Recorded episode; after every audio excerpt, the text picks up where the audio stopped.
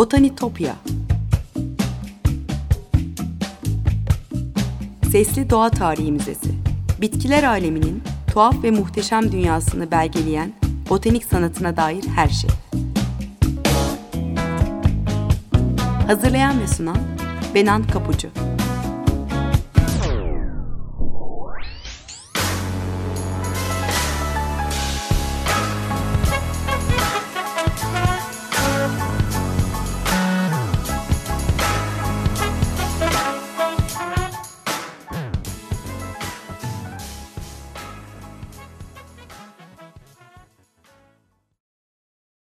Merhaba sevgili Açık Radyo dinleyicileri.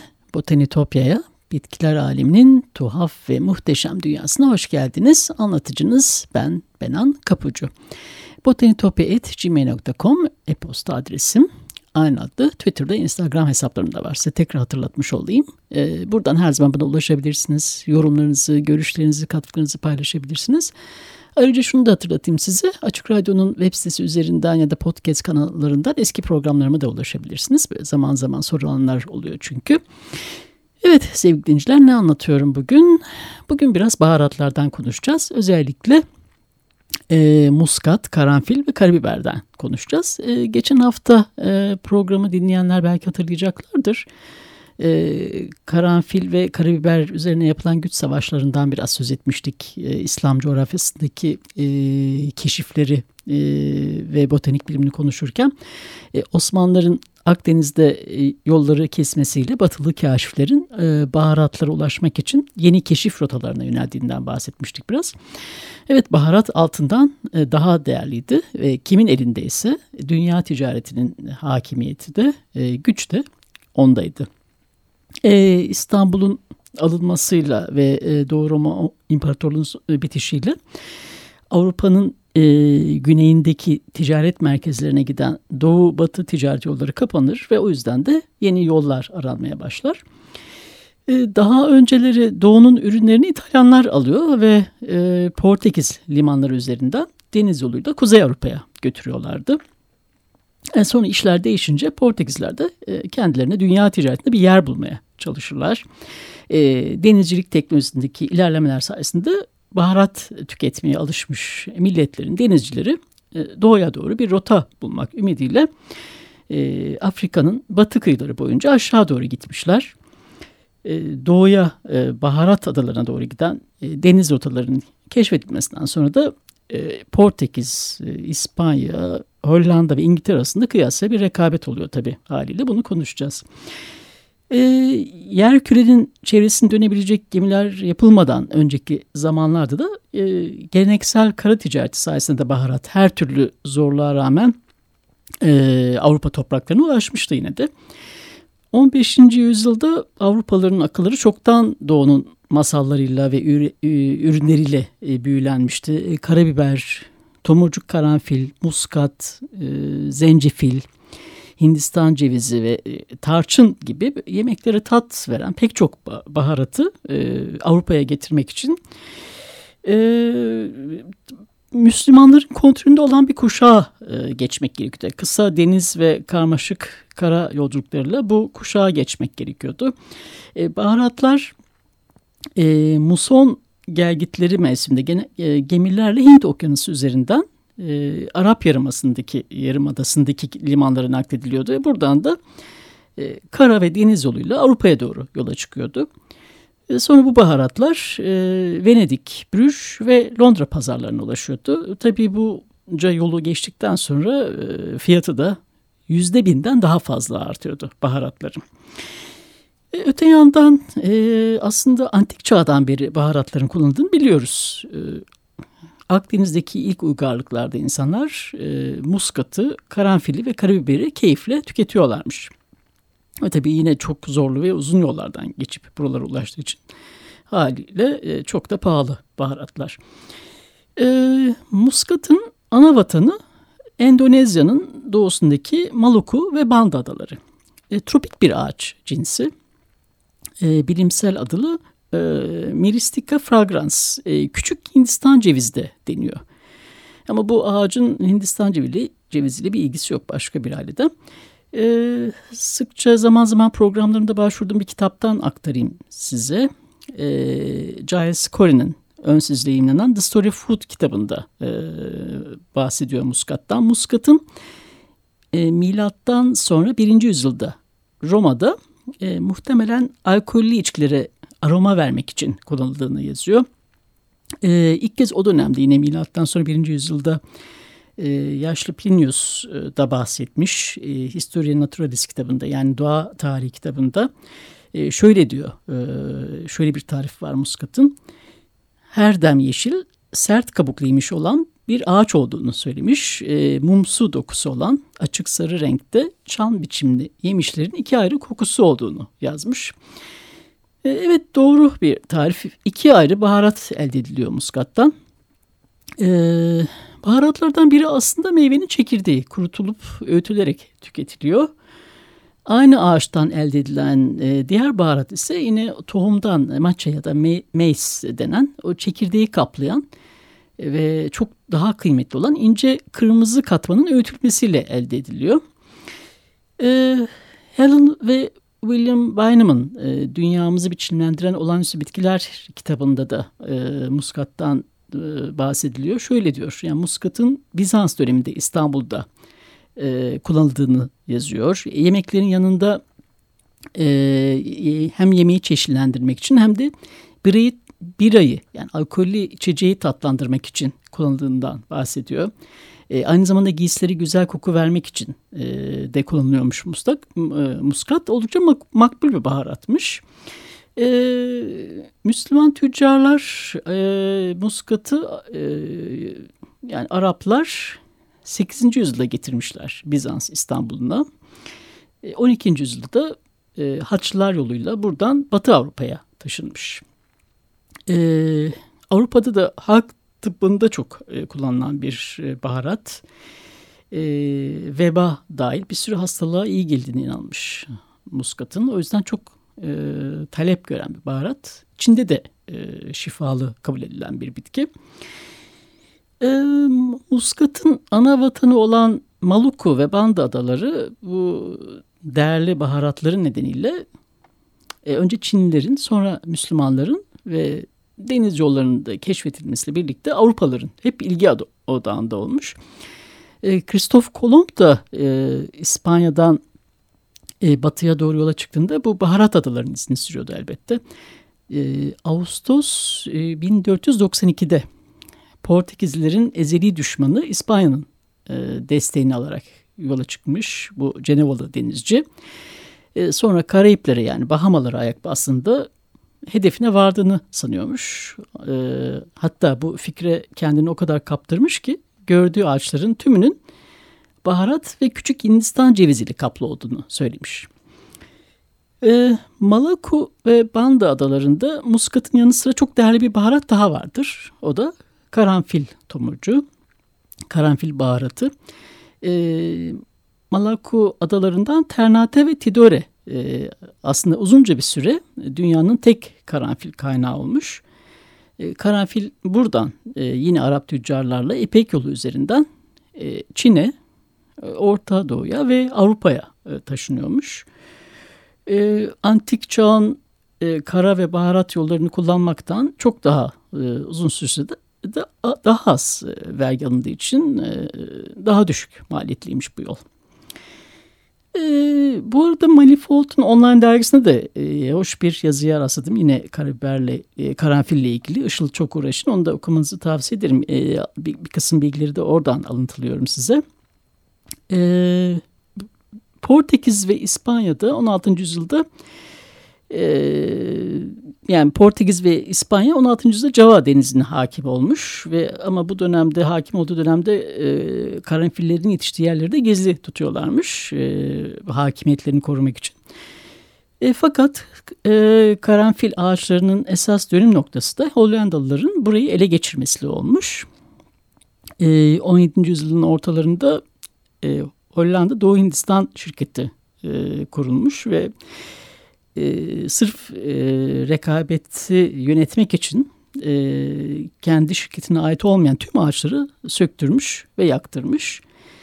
ve kontrol dışında hiçbir karanfil ağacı yetişmesine izin vermemiş. Hatta yetiştirenleri de ölümle cezalandırmış. E, aynı zamanda fiyatı yüksek tutabilmek için yalnızca bin tona e, kadar karanfilin ihraç edilmesine izin verilmiş.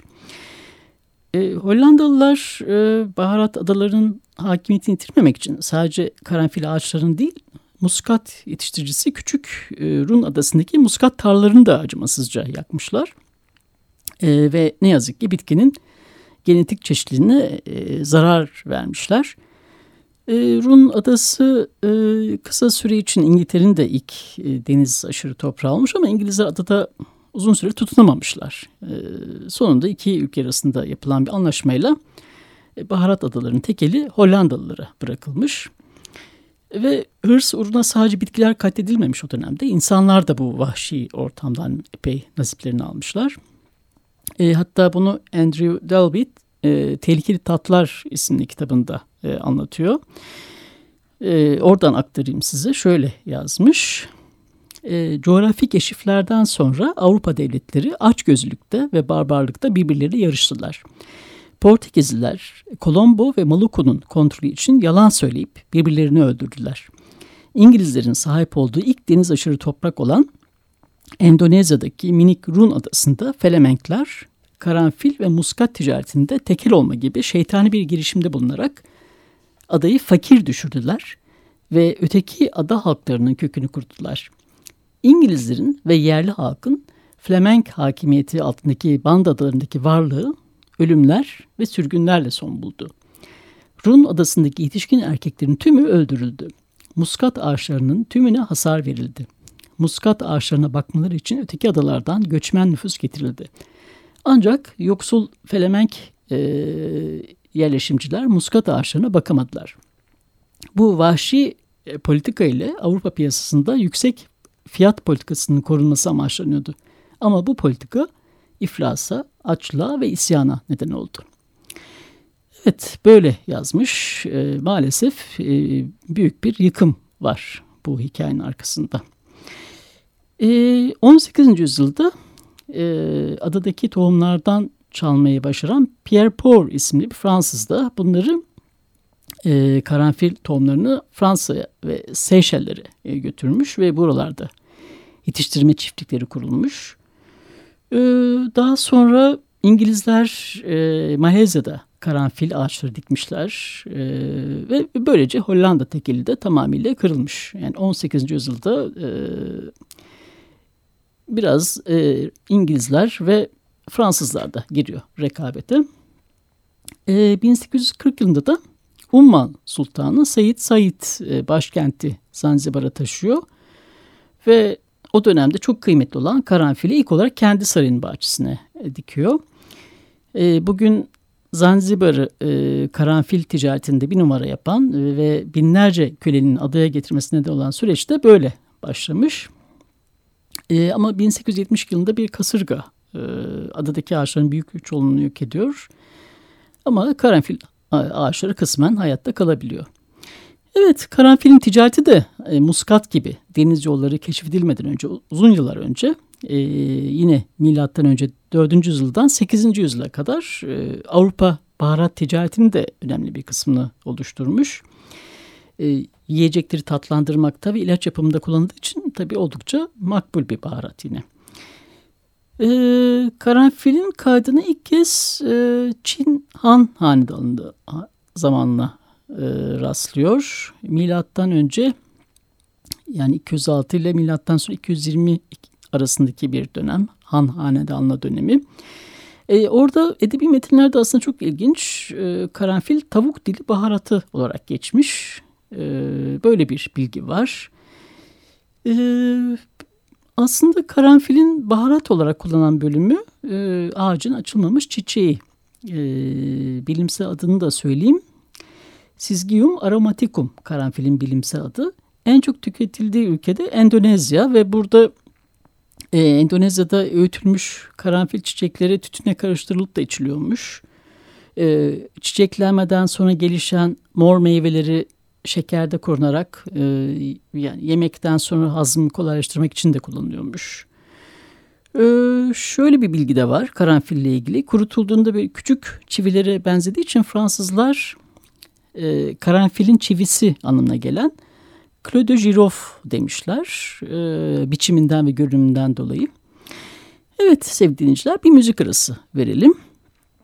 E, Joseph Haydn'ın eseri 16 numaralı Re majör Allegro piyano sonatını dinliyoruz. İkinci bölümde biraz Karabibere bakalım.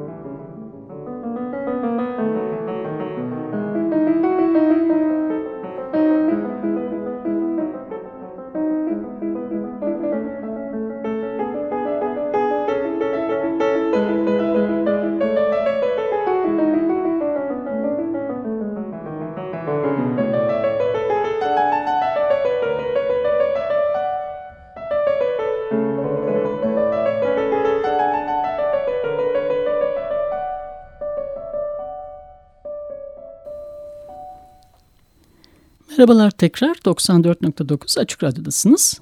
Botanitopya'da üç değerli baharattan bahsediyoruz. Evet, baharat savaşlarının ortasında yer alan e, değerli ticaret ürünlerinden bir diğeri de karabiber. Karabiberin ana vatanı Hindistan e, ve burada dünyanın en eski ve en popüler baharatı. E, 4000 yıldan fazladır Hindistan mutfağında yeri var e, karabiberin. E, Hindistan'ın güneyinde kendiliğinden yetişiyor. Karabiber asma e, biçimde bir e, bitki. Hem e, yerel tüketim hem de Asya'nın diğer bölgelerine ve Avrupa'ya e, ihraç etmek üzere yetiş, e, üretiliyor, yetiştiriliyor. Sarılıcı bir bitki. Bir, e, sarılıcı bir bitki olduğu için desteğe ihtiyacı var. O yüzden Hindistan cevizi ağaçlarından sardırılıyor ya da e, plantasyonlarda sırıkla ekim yapılıyormuş e, sonbaharla birlikte de hasat yapılıp daha sonra meyveler kurutuluyormuş.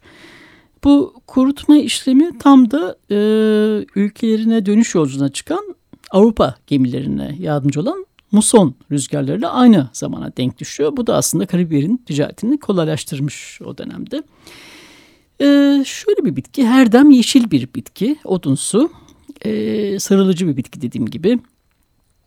10 e, metre yüksekliğine ya da uzunluğuna kadar ulaşabiliyor e, karabiber.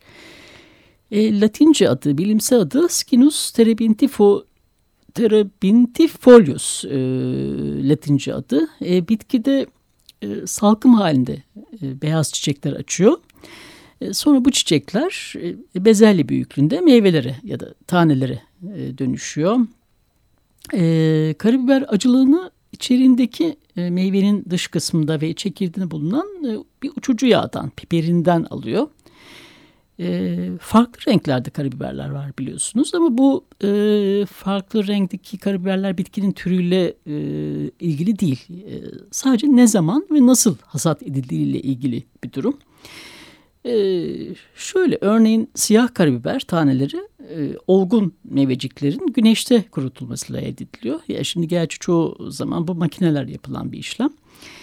Yeşil olanlar ise biraz daha ham e, ve yumuşakken toplanıyor ve genellikle salamura ediliyor öyle korunuyor. E, ya da e, dondurularak e, ya da kükür diyor, kükürt dioksitle yani kayısı kurutmaya benzer bir işlemle kurutuluyor. E, beyaz biberde tam olgunlaşmayan biberlerin suda bekletilerek e, dış kabuğunun soyulmasıyla elde ediliyor. E, bir de pembe e, karabiberler var. E, onlar ise tamamen farklı bitkiden geliyor. Brezilya'nın bir biber ağacından geliyor. E, sevgili dinleyiciler sizinle bir e, Twitter hesabımda bir e, karabiber çizimini paylaşacağım. E, çizimdeki karabiber e, Hortus Malabaricus e, kitabından yani Malabar Bahçesi anlamına geliyor. 1700'ler, e, 1600'lerde yapılmış bir kitap. E, şöyle önemli karabiber ticaretine hükmeden Hollanda Doğu Hindistan şirketi dönemine ait e, olması açısından ilginç bir kitap. E, Hollanda Doğu Hindistan şirketi için çalışan doğa bilimci ve sömürge valisi Henrik van Reyden'in e, siparişiyle yapılmış e, birkaç ciltten oluşuyor. Ve önemli de şurada Malabar bölgesine ait 700'den e, fazla bitkinin resimli kaydını içeriyor. E, Asya'daki ilk flora çalışması bu anlamda aslında e, önemli. E, ve bu Hortus Malabaricus'un ciltlerindeki bitkilerin yanlarını, Latince adlarının yanına aynı zamanda e, yerel dillerde, Konkan dilinde, Arapçada ya da Mayalayam gibi yerel dillerde bitki adları da eklenmiş. Evet, e, karabiberle ilgili şöyle bilgiler de var. Aslında çok eski dönemlere kadar gidiyor. Yani Hindistan'dan karabiberin ilk kez ne zaman, hangi ticaret yoluyla çıktı tam olarak bilinmiyor ama e, Antik Mısır'da milattan önce 13. yüzyıldan beri aslında gömülme ritüellerinde kullanıldığını yazıyor kaynaklar. Örneğin e, 2. Ramses'in mumyasının e, bulun, burun deliğinde karabiber tohumları bulunmuş örneğin. Bu da ilginç aslında. E, antik çağda Yunanlar ve Romalılar e, karabiber meyvesini e, e, daha erken toplanıp dış katmanın soyulması elde edilen akbiberi de tüketiyorlarmış. Onu biliyorlarmış e, bu dönemde. E, Roma İmparatorluğu zamanında e, karabiber ticareti iyi gitse de tabii hala pahalı ve oldukça rağbet edilen bir e, ticari maldı. E, o dönemde de ticaret daha çok Arap tüccarların yani Müslümanların kontrolündeydi. E, liman kenti İskenderiye'den yapılıyordu. Ve kimi kaynaklarda, kimi Romalı yazarlar e, pahalılıktan şikayet ediyor. Yani kullandıkları bol miktarda biberin karşılığını altınla ödediklerini ve bunları e, bunun bütçelerini zorladığından bahsediyorlar mesela yazılarda. E, Roma İmparatorluğu düşüşe geçtikten sonra da e, karabiber ticareti Arap tekeline geçmiş. E, tabii fiyatı yüksek tutmak için yine baharatların geldiği yeri de sır gibi saklıyorlarmış tabii. Yani e, batılı kaşifler izin sürüp e, baharat adalarını buluncaya dek. E, karabiber Avrupa'da da tabii çok değerli. E, şöyle de ilginç bir bilgi var. Mila, e, 410 yılında e, Vizigotların ilk kralı Alarik e, Roma'yı kuşattığında fidye olarak 1360 kilo karabiber tohumu istemiş. Yani o kadar e, değerli bir baharat. Altın yerine, e, değerli maden yerine ge geçen bir e, baharat.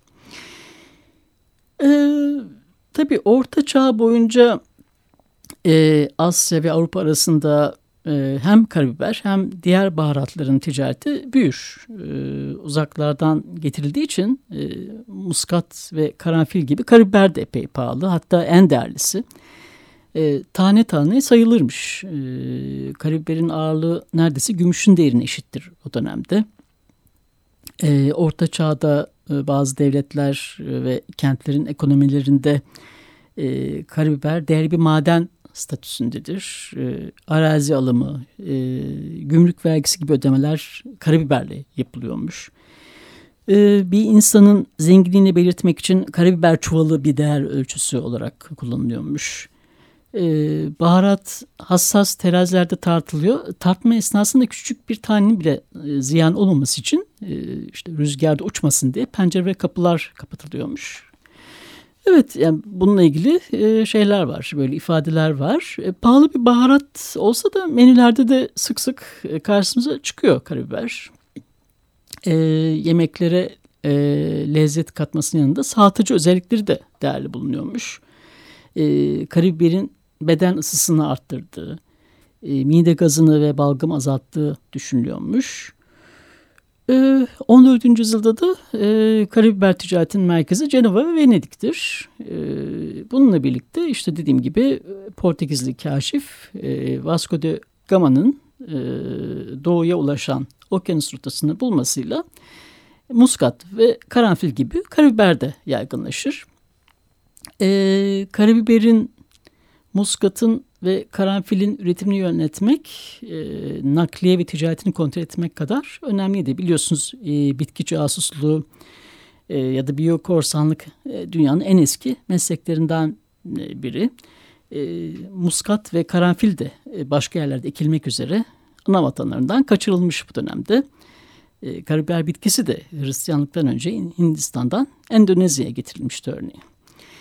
Evet bu üç baharatta sıcak iklime ihtiyaç duyan e, bitkiler ama e, yoğun talep ve küreselleşmeyle birlikte dünyanın pek çok ülkesinde e, ticari tarım ürüne dönüşmüş durumda ve bolca da tüketiliyor. Evet sevgili dinleyiciler bugün e, muskat, karanfil ve karabiberden konuştuk. Evet sevgili dinleyiciler Botanitopya'daki keşif yolculuğumuz bu hafta da buraya kadar. botanitopya.gmail.com e-posta adresimden ve aynı adı Twitter ve Instagram hesaplarından her zaman bana ulaşabilirsiniz. Yorumlarınızı ve görüşlerinizi paylaşabilirsiniz. Bir daha görüşünceye dek sevgiyle ve duayla kalın.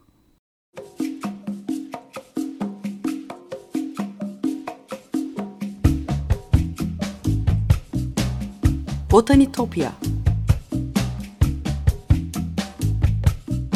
Sesli Doğa Tarihi Müzesi Bitkiler aleminin tuhaf ve muhteşem dünyasını belgeleyen botanik sanatına dair her şey.